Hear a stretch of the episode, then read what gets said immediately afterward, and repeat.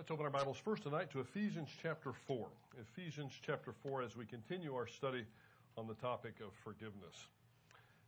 Having considered in the previous study the forgiveness from the eternal penalty of sin that is ours at the very moment we place our faith and our faith alone in Jesus Christ, having already considered that, having already considered the temporal forgiveness, the forgiveness from the temporal ramifications of sin, that the believer receives once we confess our sin to God, we now move on to a subject that I have found is, for most Christians, extremely difficult to accept and even more difficult to practice.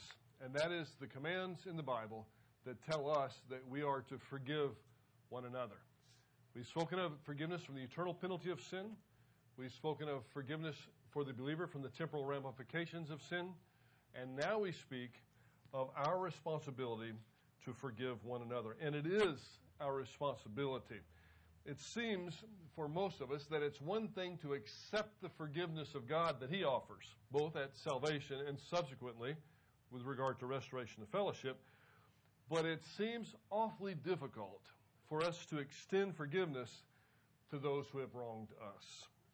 We have been the recipients of incredible mercy incredible mercy.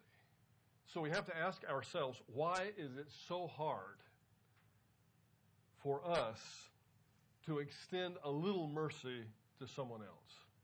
I, I, did everything I could to try to choose those terms carefully.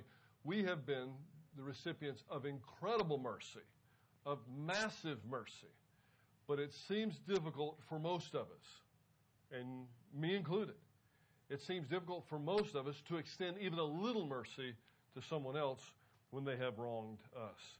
Now, we're going to consider this topic in two stages, over at least two lessons, perhaps three. It depends upon how long it takes to get through these. But we'll, we'll consider the mandate that we have scripturally to forgive. This is not an opinion. This is not an option. Maybe if you want to forgive, you can forgive. If you don't want to forgive, don't, you don't have to. We'll consider the mandate to forgive, and now that comes up in our passage that we're doing an extended study of in Ephesians chapter 4, verse 32. We'll see Colossians chapter 3, verse 13, Matthew chapter 6, verses 14 and 15, and then finally Matthew chapter 18, verses 21 through 35. And that will take at least most of tonight, if not tonight and next week. And then after we're finished with that, we will consider a question, a question that I'm asked repeatedly. I've had the opportunity to teach this material in at least, uh, well, three different countries in Africa and in um, Philippines and in, in India and here as well. But one of the questions that always comes up, and I want to face this one head on, when it comes to the biblical command to forgive one another, the question always comes up, and we want to ask and answer that probably next week or the week after. Do I have to forgive the other person if the other person doesn't apologize, confess, repent, or even think they did anything wrong? Am I still obligated to forgive? And it's a legitimate question. Because if we're setting up, as Paul will here, to forgive as Christ forgave, and we've talked about in our last lessons the fact that in order for us to receive the forgiveness from the eternal penalty of sin, we have to exercise faith in Christ in order to receive the forgiveness that is ours from the temporal consequences of sin, we have to confess that sin before God. So it's, it's not an unreasonable question. Do I have to forgive them if they don't confess their sin, or if they don't apologize, or if they don't repent from it? Luke chapter 17 does give a condition. We'll, we'll take a look at that. You go to them, you confront them. If they repent, then you forgive them. But there are other passages that do not speak about a condition for forgiving someone else. This is a difficult topic. And in case this is the only time you're going to be able to come or you're fixing to travel for a little while, let me give you the answer to that one ahead of time. Yes, you should forgive them. Now, I'll give you all the biblical data for that. But it's, it's, a, it's a question and an answer to a question that does demand that we spend a little time with us with that. This issue of forgiving or the failure to forgive, believer to believer, is, in my view, one of the most serious stumbling blocks to the believer's spiritual life that there is out there, period. We think that we're, we're, marching right along in our spiritual life. We're studying the Word every day. We're praying. We go to Bible studies. We, we attend prayer meetings even outside of church. We serve. We give. And something's just not right in some of our spiritual lives. And we wonder, what is it? I'm doing everything right. Well, maybe not. Maybe there's one thing that we're not doing quite right. And maybe that's that we're holding on to some wrong that someone else has done to us, either real or perceived. Because sometimes we think someone else has wronged us and they have no idea that we're even upset with them. And maybe they didn't really wrong us. Maybe we just really think that they did. A lot of times when people wrong me, I, I ascribe all kind of motivation to them that they might not have thought of at all. So we need to be very careful with it, whether it's real or perceived. We do have the responsibility to forgive one another. And if we don't, it's going to hurt us a lot more than it's going to hurt them. In, in our minds, we think, well, I'm not going to forgive them because I want them to suffer. Guess who's suffering? We're suffering when we do that. And in essence, they got to us twice. Let's say it's not a perceived wrong, that it's a real wrong that someone did to you. They really wrong you, you fail to forgive them, and you lose twice. You see? You lose because they've hurt you the one time. You lose again because you fail to forgive them, and you're walking out of fellowship with God. So, this is an enormously important topic, and it's one that's going to hit us all, I think, right, right between the eyes. So, I don't think there's anybody in this room, I would, I would suspect. There's no one in here. There's no one in Africa where we've taught this. There's no one in India. There's no one in the Philippines. I don't think there's anybody worldwide that hasn't faced this as an issue as a believer. Someone has wronged us. We have the responsibility to forgive. The reason that all of us have faced it and all of us have resisted is because it's not really that easy to forgive, is it? Now that's why we started last week, and actually we've we've taken a look at this one time before, but it's been several months, if not over a year. That's why we started with everything that God's done for us. With what Jesus did for us, the, the price that he had to pay in order to be able to forgive that eternal penalty for, for, for sin with, with, with respect to each one of us individually. So, with that in mind, if we are focused on what Christ has already done for us, then it won't be so hard. If you find it enormously hard, if we find it enormously hard to forgive someone the wrong that they've done us, the first thing we need to look at is am I really focusing on upon what Christ has already done for me? Or is it just am I just have I just become so me-centered that I forget completely what's been uh, already been done on my behalf by Jesus Christ and I ignore the commands of God. Now, the passage that we're studying right now is, is Ephesians, of course. And in Ephesians chapter 4, verses 17 through 30, 32, to, to refresh your memory, Paul is explaining here how the Christian is to walk in holiness. He, concludes this explanation by saying that it is the responsibility of every believer, now we're in verse 32, to be kind to one another, tender hearted, here's the phrase, forgiving each other, just as God in Christ has forgiven you. Now, that's pretty much in your face. He's already given us the reason why.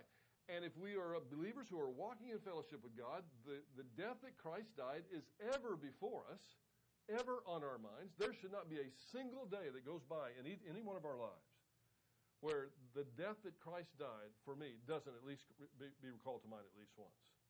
That's one way to test our spiritual lives, I think.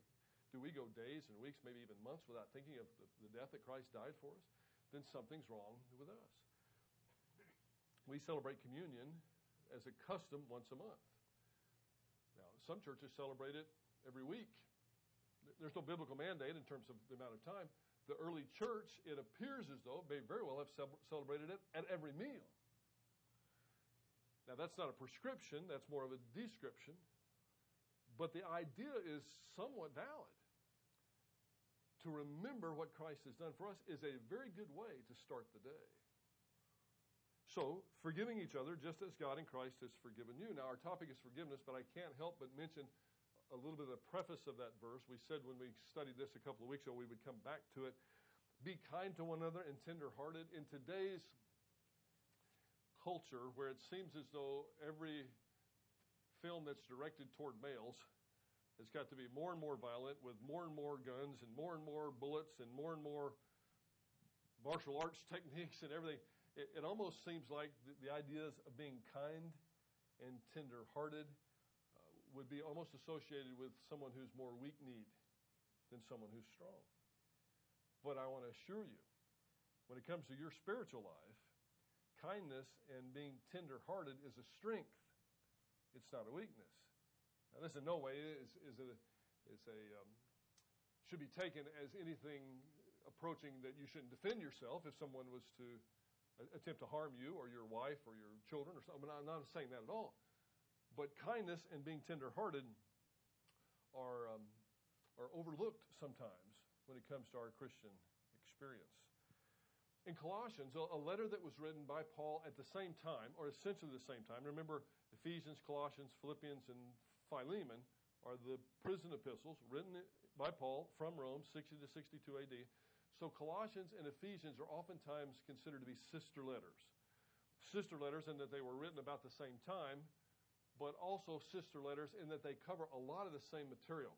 They're looking at it from a little different angle, but a lot of the same material. So it's not surprising that in Colossians chapter 3, verses 12 through 13, the Apostle Paul says this. This is going to sound familiar, but it's not Ephesians, this is Colossians. And so, as those who have been chosen by God, holy and beloved, put on a heart of compassion, kindness, humility, gentleness, and patience, bearing with one another. Now listen, forgiving each other, whoever has a complaint against anyone, just as the Lord forgave you, so also should you. It's interesting to me that in both of these contexts, he prefaces the command to forgive one another. Now, it's in a, it's a participial form but it's in the it's a participle that's functioning as an imperative here. He prefaces both of these commands to forgive with this same kind of idea of being tender-hearted, kind, compassionate. You know, another way to put it that might be more contemporary English, uh, at least that would get the concept, to cut somebody some slack. Just cut them a little slack. We, we all, we, we just have this tendency that we want, by golly, justice. And that's great, but we've been the recipients of great mercy. We need to be willing to show a little mercy to someone else. And again, I'm not talking about uh, going soft on crime or anything like that. We're talking about personal interaction, believer to believer. Because if we stay around each other any period of time at all, we're going to offend someone at some time over something. Again, whether we intended to or whether we don't. That's just how it is, whether it's in a, a family or whether it's in a body of believers called a local church. It's going to happen. Now, it really happens in marriages. And sometimes people just can't get past that in a marriage that one party has offended another. In his book, True Spirituality, Francis Schaeffer, I think, said an incredible thing. And he said that many fine Christian marriages are blown apart. They're destroyed because one day one of the parties in the marriage wakes up and realizes that their mate is not perfect. and so the marriage is destroyed. Just nuke it. Well, guess what, sport? You're not perfect either. Just look in the mirror. You've got, there's two imperfect people in that marriage, not just one. And unless we learn to forgive one another in marriage, and, and you people have been married a long time, you don't have to amen this, but if, if, unless we learn to forgive one another in marriage, see, I can be real bold that my wife's not here tonight. By the way, the reason she's not here, she takes care of my dad on Wednesday night, so I don't want you thinking she's slacking. He's not. Unless we learn to forgive one another in the marriage relationship, that marriage is doomed, is it not? Now, I know there's a couple. There's a couple of you that have never offended your mate in marriage, but that's because your, your mate has severe psychological problems. She doesn't realize she's been offended. but for the rest of us, we have done some pretty serious offending. And if our spouse is not willing to forgive us, it's going to be over. And, you know, when the shoe's on the other foot, you need to be willing to forgive your spouse. All of us want forgiveness, few of us want to give it. So I think it's interesting that in both of these occasions, both in Ephesians and Colossians, that Paul prefaces the, the command to forgive by these words, to have a heart of compassion, kindness, humility, gentleness, and patience, bearing with one another, cutting them a little slack from time to time. Paul takes the op- opportunity in both his letter to the Ephesians and to the, and to the Colossians to subtly remind us of what God has done for us. This forgiveness we've been given in, in Ephesians, forgiving each other just as God in Christ has also forgiven you. In Colossians, forgiving each other. Whoever has a complaint against anyone, just as the Lord forgave you, so also should you. So we see in these two passages, and I picked these two first, not just because Ephesians was our is the, the book that we're studying, but I wanted to pick these two first because if we're even close to being moderately honest with ourselves, we're going to see that we have been forgiven a whole lot more than we're going to be able to ever ask, that we will ever be asked to forgive both in, in numerically and in intensity. And this is what I mean. You can say, well, whoa, whoa, wait a minute. I've never done anything to anybody like what she did to me. Not necessarily. When we, when we look at the scope of the amount of sinning that we've done against a perfectly holy God, oh, yes, you have. Oh, yes, I have. I've been forgiven a whole lot more than I've ever forgiven anybody else. And that's what Paul is alluding to here.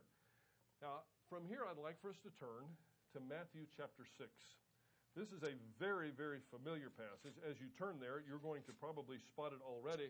Matthew chapter 6 is right smack dab in the middle of what we would call the Sermon on the Mount. And another reason I begin with the two um, passages that I did is that there, there are those who may believe, in fact, I think there are, I know that there are those in the Christian community who mistakenly hold that the Sermon on the Mount contained teaching that was exclusively for Israel regarding the ethical standards for living that would be found in the millennial kingdom of Jesus Christ. So they disregard the Sermon on the Mount entirely. In fact, if you do that, typically you disregard all the teaching in the Gospels as not being for us. Well, that view, that idea, was popularized in the mid to early part of the 1900s by Lewis Sperry Chafer a man who I admire very, very much, but who was in error with regard to this particular thing.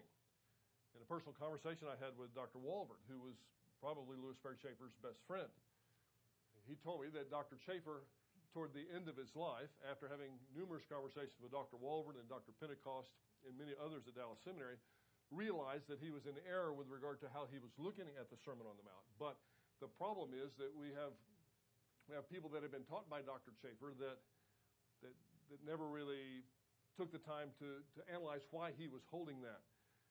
So the idea that the Sermon on the Mount, there, and also what I'm about to teach tonight, has no bearing on the church age believer at all, that is just impossible to sustain biblically.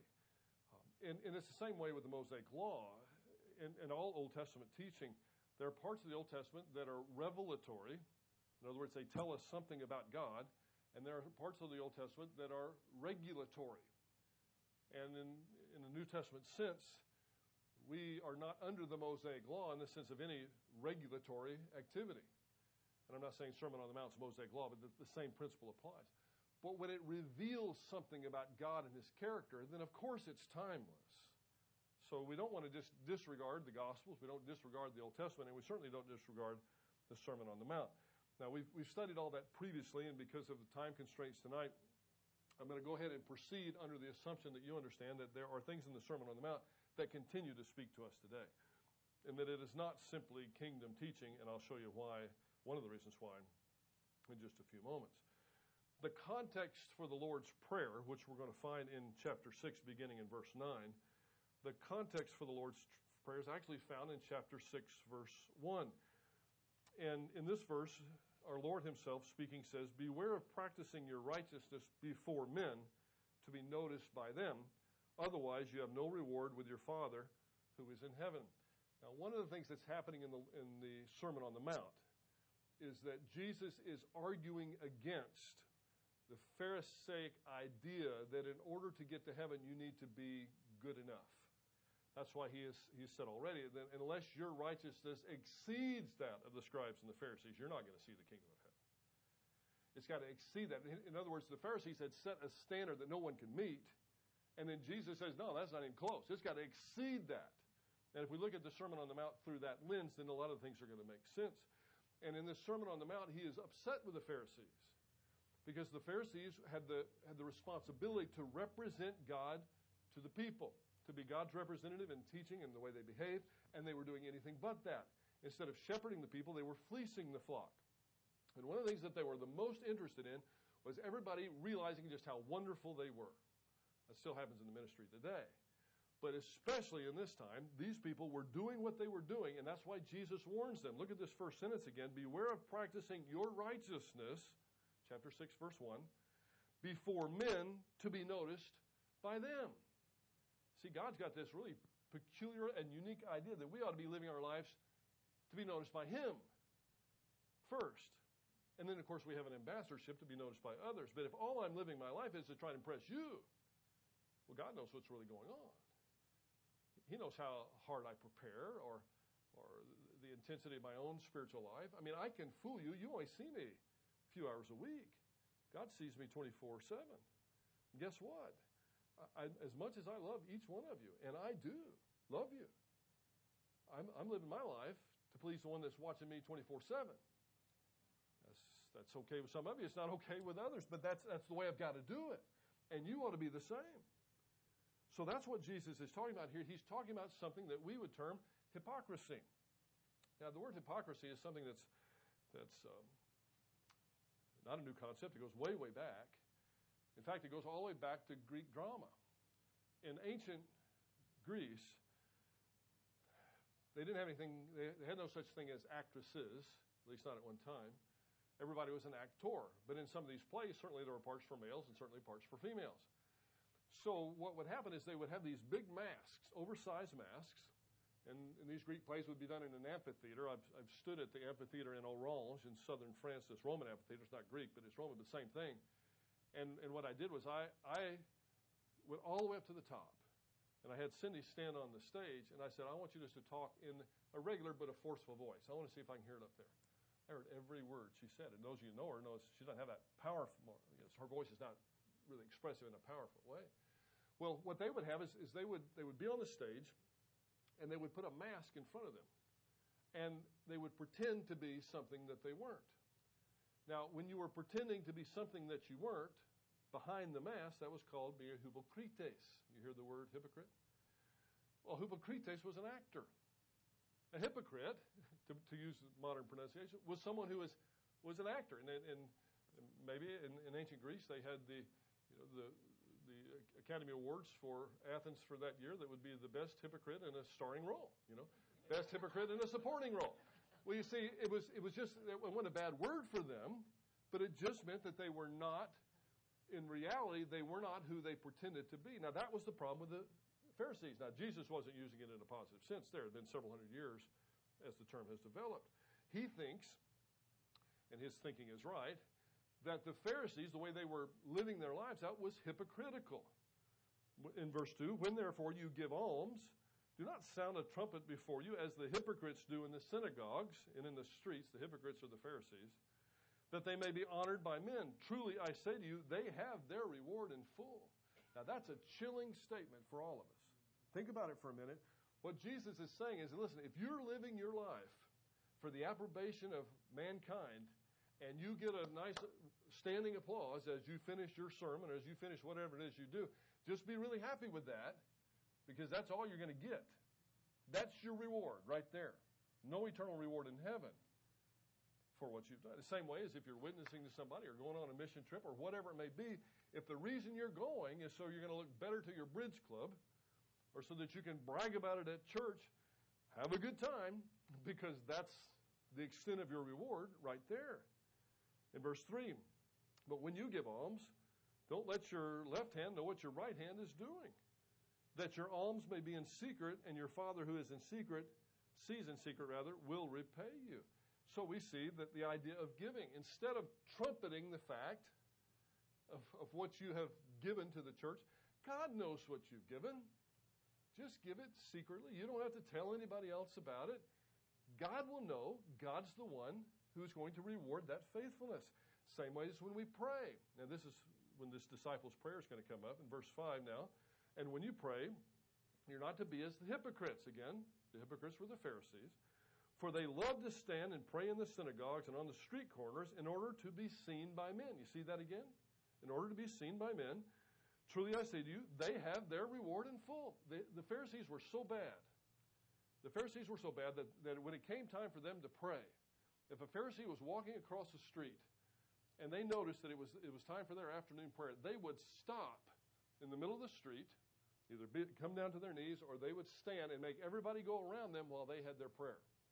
Instead of just going off to the side and having some real prayer time, they were making a point in front of men. And that's why Jesus says, in, in contrast to how the Pharisees prayed, but when you pray, go into your inner room. The old King James, I believe, said closet there, but it's just a private place. And when you've shut the door, pray to your Father who is in secret, and your Father who sees in secret will repay you. Now, there's another thing the Pharisees did to, to make a point. They kept saying the same things over and over and over and over and over and over and over and over again to try to impress other people, and somehow they thought they were impressing God. So Jesus says in verse 7 when you're praying, don't use meaningless repetition as the Gentiles do, for they suppose that they will be heard by their many words. The Pharisees had actually picked up a Gentile habit in their praying. So, this is the setting for what we're about to see now. Therefore, do not be like them, for your Father knows what you need before you ask Him. Now, in verse 9, we have the beginning of what is commonly called the Lord's Prayer, but it's not really a prayer that the Lord Himself would pray. He is giving the disciples an example, a model of how they are to pray. Now, this prayer, in my view, was never intended to be written down and prayed verbatim. This is a model, it's an example. Now, I've done it. I'm sure you've done it too. When I was in high school, we did it before every single football game. We would all recite this prayer, whether you're a believer or not, we would recite it, and it was pretty meaningless, frankly. I mean, I, I personally was looking forward to whatever the first play was. I was thinking about how, what I was supposed to do. I wasn't really thinking about this. I wish we'd have had a real prayer, and then I would have done it. But this is a model prayer. So look at what's in the model prayer. And I think by the time we get to verses 14 and 15, which are not part of the prayer, but they're a postscript to the prayer, then I think we're going to ratchet up the notch or, or up the, the, the, heat just one notch when it comes to this idea of forgiving one another. So don't read ahead. I'm just kidding. You already know what it says, but, but hang in there with me. Let's go through it. First of all, in terms of how we ought to pray, Jesus himself commands this. This is a, this is a present imperative. Pray then in this way. So this is a model prayer, but he's saying, if you're, if you're asking me how to pray, this is a command. This is how I want you to pray. Our Father, who art in heaven, hallowed be thy name. Now this is significant. We know, we know God the Father as our Father. Up until this time, in the Old Testament anyway, God was not, not referred to as Father very often at all, just a very small handful of times. Most of the time, when God is referred to in the Old Testament, one of his attributes is attached to it mighty God, sovereign God, merciful God, so, something like this. But here, our Father who is in heaven. So, in other words, our Heavenly Father. Now, I'm not telling you how you have to pray. This is your Heavenly Father in terms of exactly how you address Him. But the principle is our prayer is addressed to the Father. In, in classes that I've taught, whether it be here or elsewhere, even over at the College of Biblical Studies, sometimes people say, well, why do you insist on praying to the Father? Well, this is why. Now, granted, there is one place in the upper room discourse where Jesus does says, if you ask me anything in my name, I'll do it. That's, but when he, I think that was a special circumstance for the disciples who were present at that time, but when he gives the disciples the model for how to pray, this is it. So, when in doubt, it's better to do it the way Jesus said to do it. So the first thing is our prayer is directed to the Father. But we need to remember to whom we're speaking. And this is this is maybe one of the reasons why sometimes our prayers don't go past the ceiling. We need to remember when we open our thoughts and pray, we are speaking to the God of the universe. Hallowed be thy name. Now that's really old English for may your name be set apart and be considered higher and more important than any other name under heaven. And it's not just name, the word name in in uh, in New Testament Greek really referred more to the person. So the, the petitioner is recognizing to whom they're speaking. If we would just recognize that, what, what he's going to say at the end is going to, there'll be no argument with him. so the first thing is we recognize to whom we're speaking, and we're speaking to the to the Father. Thy kingdom come, thy will be done on earth as it is in heaven. I don't want to dwell here, but let me just say this is one of the reasons why Dr. Walvoord was able to convince Dr. Chafer. And by the way, I love Dr. Chafer. Mean, that's one of the first people I want to meet in heaven. But this idea, thy kingdom come, if we're already in the millennium, and this is millennial living, millennial ethical, moral living, the prayer is not going to be for the kingdom to come. See, this prayer is for before the kingdom gets there. But we won't, we won't dwell there. Give us this day our daily bread. It is legitimate to ask for our daily needs. And then in verse 12, and forgive us our debts as we also have forgiven our debtors. This is a synonym for sin. Do not lead us in temptation, but deliver us from evil, for thine is the kingdom and the power and the glory forever and ever. Amen that, that last particular phrase is, is omitted in many of the more ancient manuscripts. Most of your Bibles should have that last phrase, for thine is the kingdom, in some sort of brackets or maybe perhaps an asterisk and with a marginal note. But back to verse 12 forgive us our debts. When we get to 1 John 1 9, we're not commanded to ask for forgiveness there. We're commanded to confess our sins, and forgiveness will be a part of the package. Sometimes I'm also, I've also been asked, in more than a few places. Uh, well, well, do I need to ask for forgiveness? Or do I just confess my sin? Let's don't try to cut this thing too thin. Surely you confess your sin, but if you say, Father, forgive me, I have sinned, this is what I've done, you, you haven't uh, committed an error there. And this is one of the places that we would point to to say it's perfectly legitimate.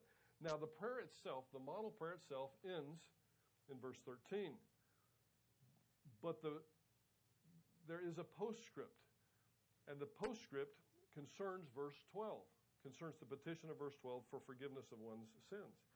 Now, there's an assumption there, as we have forgiven our debtors. Did you see that? Forgive me as I have forgiven someone else. Now, if I hadn't forgiven someone else, I've already set, I've already named my own poison. And so Jesus says here, For if you forgive men their transgressions, your heavenly Father will also forgive you. But, and there is no textual problem here, this is a part of the text. But if you do not forgive men, then your Father will not forgive your transgressions. Now, now the heat just went up in the room. Because we've always thought, well, if I confess my sins and God's going to forgive me, here it looks like there's a condition that's attached to that condition. Well, not really. Because what happens is if I confess my sins, but yet I'm holding a grudge, I'm not confessing all my sins. See? I'm not confessing the fact that I can't stand that guy for what he did to me several years back, and if I ever get an opportunity, I'm going to do it right back to him. You see, that's something that's eating in my soul, and that in itself is a sin. So it's no wonder. This is not a contradiction to 1 John 1 9 at all. This is just explaining that if there's, if there's this bitterness in my heart, then I'm not going to be forgiven. Now, now we don't have to, to freak out about this. I know sometimes we think, you know, you may on the way home tonight be thinking, you know what? Just remembered, I never forgave so and so in my heart for what they did to me when I was a teenager. Well, if you hadn't thought of it in your mind for a long, long time, it's not something that's day, that, that is a daily sin on your part, and it's been covered by the confession that you have done in the past when, in cleansing you from all unrighteousness. But the point here, the, the temperature has been turned up just a little bit. That is that if we've been commanded to forgive, if we don't, then our sins are not going to be. You see why I said this may be one of the major stumbling blocks to the believer's life that is totally overlooked. Now, I'd like for you to turn to one more passage. This is unusual that we do this many passages in one night. Usually I like to stay in the same text. But I'd like to turn to a passage that we have taken a look at before, so we won't have to dwell here long but it goes right alongside these other passages that we have spoken about today. This is Jesus speaking in Matthew chapter 18 with regard to the concept of forgiveness. Now, again, in context, Matthew chapter 18, verse 15, actually verses 15 through 20, the context there is speaking of what happens when one believer offends another believer in the local assembly in the family of God. What happens, and there's a, there's a prescribed remedy for that you've heard this before. We've studied it before. First, you go to them and you talk to them about it. Then you take another person with you. If that doesn't work, and then you, go, you there are there are steps here that that the church is to follow. Then Peter, fo- uh, immediately following this, Peter comes to our Lord and says in verse 21, Lord, how often shall my brother sin against me and I forgive him? Up to seven times? Now, this looks really magnanimous on Peter's part because you think, seven times? Somebody does the same thing to me seven times and I'm still going to forgive him? Now, the reason Peter says seven times is under the, the mode of the Pharisees, the Pharisees had a rule themselves that if someone wronged you, you needed to forgive them three times. After that, all bets are off. But you at least needed to forgive them three times, and they thought they were being generous with that. So Peter doubles it and adds one. So how long should I should I forgive him seven times? Now imagine Peter's surprise when our Lord says to him, "I don't say to you up to seven times, but up to seventy times seven. Now I did really well in math in school. I just I hate it though, but at best I can tell, that's 490 times, right? Well, see, that's, that's actually that's a Hebrew idiom, and you, you may not like this. That's a Hebrew idiom for an unlimited number of times.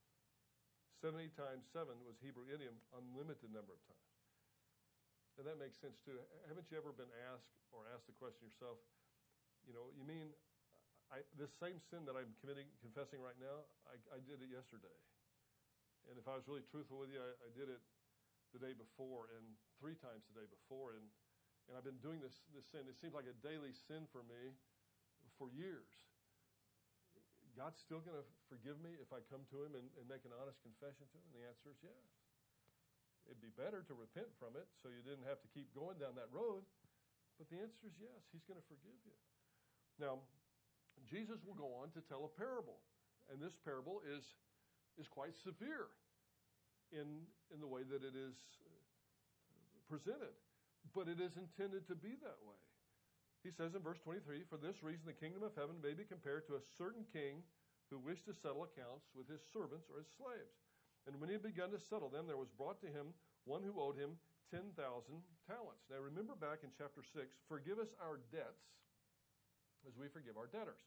So Jesus is using the same type of terminology here, but don't, don't forget he is speaking about the concept of sin.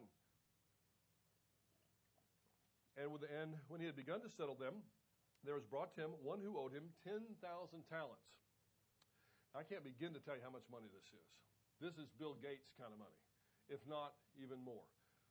Uh, when the Romans would conquer a country, they would typically demand a tribute each year from a country. And the reason they would demand a tribute each year was a tax. They would demand that so that that country never had enough money to build up a military again. And really, that their standard of living would be so low that they could never be a threat to Rome again when Rome would want to really punish a nation, they would charge them three, four, five thousand talents a year. I mean, for the whole country. This is an individual who owes 10,000 talents. The point is, this is a debt that he could never repay. I don't know what that amount would be for you or for me, but this is this would be like us owing a debt with, say, Bill Gates's that, that amounted to Bill Gates's net worth. This is something, in, in our best year, if we spent every dime we would ever make, we could never repay this, not in this lifetime, not if we were given two or three more. That's what we need to see. And the parallels are not going to be too hard to point out. This is a debt that this man owed that he had no possibility of ever paying back. Okay? That's what's meant by the 10,000 talents. Now, that needs explanation today. It would have needed no explanation at the time that this was written. It's a huge amount of money. In verse 25, but since he did not have the means to repay, his Lord commanded him to be sold along with his wife and children and all that he had in repayment to be made. So there was going to be a consequence to him not being able to pay it back. And then in verse 26, the slave, therefore, falling down, prostrated himself before him, saying, Have patience with me, and I will repay you everything. Now, that's a silly statement. He can have all the patience in the world. The debt cannot be repaid. And the Lord of the slave felt compassion. Have you heard that word before tonight? You should have. It's both in, the implication is in Ephesians, it's, it's there in um, Colossians. the Lord had compassion and released him and forgave the debt. He didn't put him on one of those payment plans like consumer credit counseling or something. He didn't do that. Say, okay, well let's just let's just divide it up and see how much you can pay per month. We'll talk to your we'll, we'll work this thing out. No, he said, okay, you don't owe me anything. Nothing. It's wiped clean. Now the parallel is easy to see, isn't it? When we place our faith in Jesus Christ, that debt has been canceled.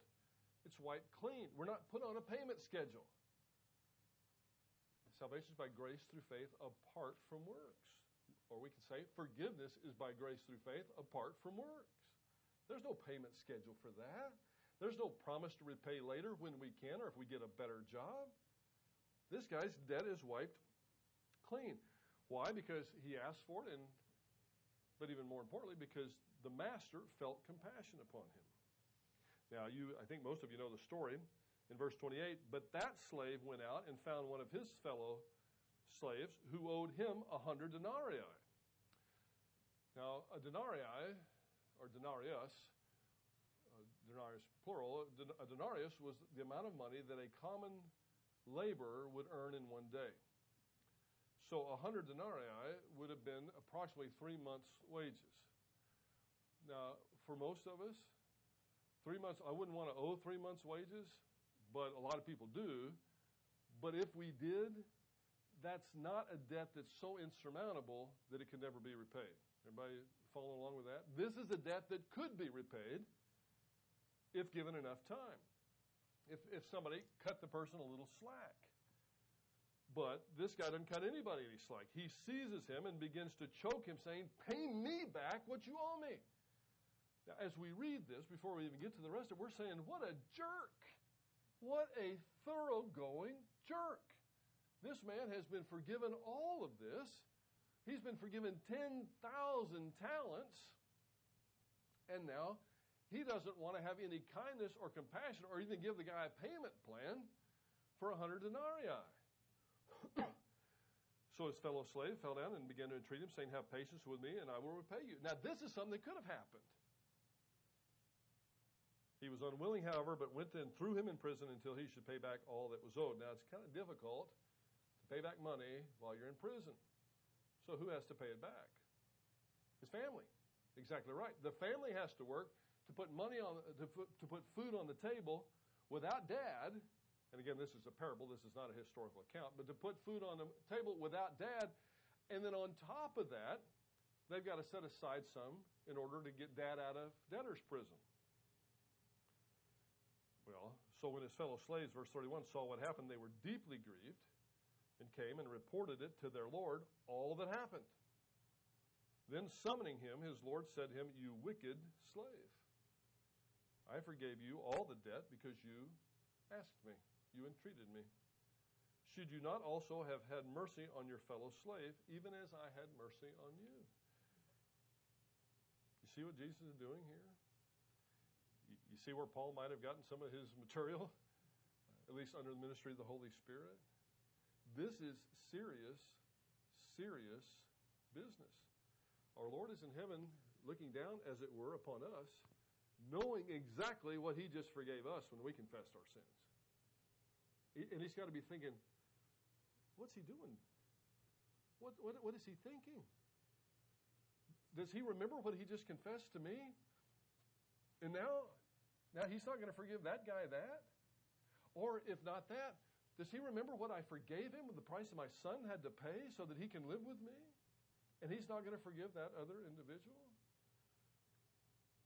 Well, his Lord, moved with anger, handed him over to the torturers until that he should repay all that was owed him. Now, he couldn't pay it on his best day. If he was given 10 lifetimes, he's sure not going to pay it after being handed over to the torturers. So shall my heavenly Father also do to you if each of you does not forgive his brother from your heart. One thing about the interpretation of parables that I want to make sure we understand as we get close to the conclusion of our time together tonight is it is it's inappropriate to try to match everything up in a parable. That's how you make a mistake interpreting parables. There's one central message here in this parable. And that is the same message we see in Colossians and in Ephesians and to some extent in the Lord's Prayer as well. And that is we have been forgiven much because the Lord was compassionate upon us he forgave us much. For God so loved the world that he gave his only begotten Son, that whosoever believeth in him should never perish but have everlasting life.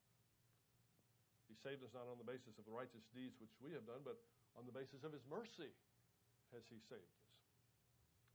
So the, the point is, from the Father's perspective, he has already done so much more for us than he would ever even, that, that it's even implied that we should do for someone else.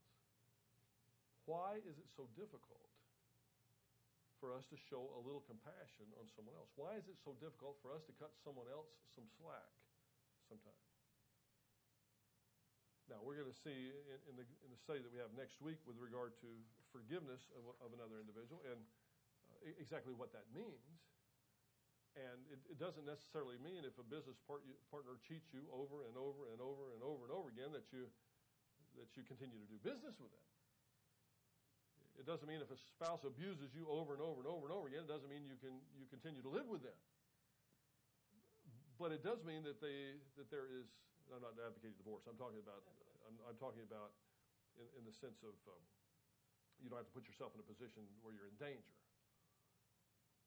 But but the point is, we still have to forgive them, and that'll be the subject that we consider next week. But one one closing comment. If we if we look at Matthew chapter 6, if you forgive men their transgressions, your heavenly Father will also forgive you. But if you do not forgive men, then your Father will not forgive your transgressions. When we get to Matthew chapter 18, which is a parable, I believe that helps explain what was going on in Matthew chapter 6. So my heavenly so shall my heavenly Father also do to you if each of you does not forgive his brother. And then Jesus wanted to make sure we understood it needs to be a sincere forgiveness from our heart. God knows whether we're really forgiving somebody or whether we're not. This is enormously important. We have been the recipients of incredible mercy. Why is it so hard for us to show mercy to someone else?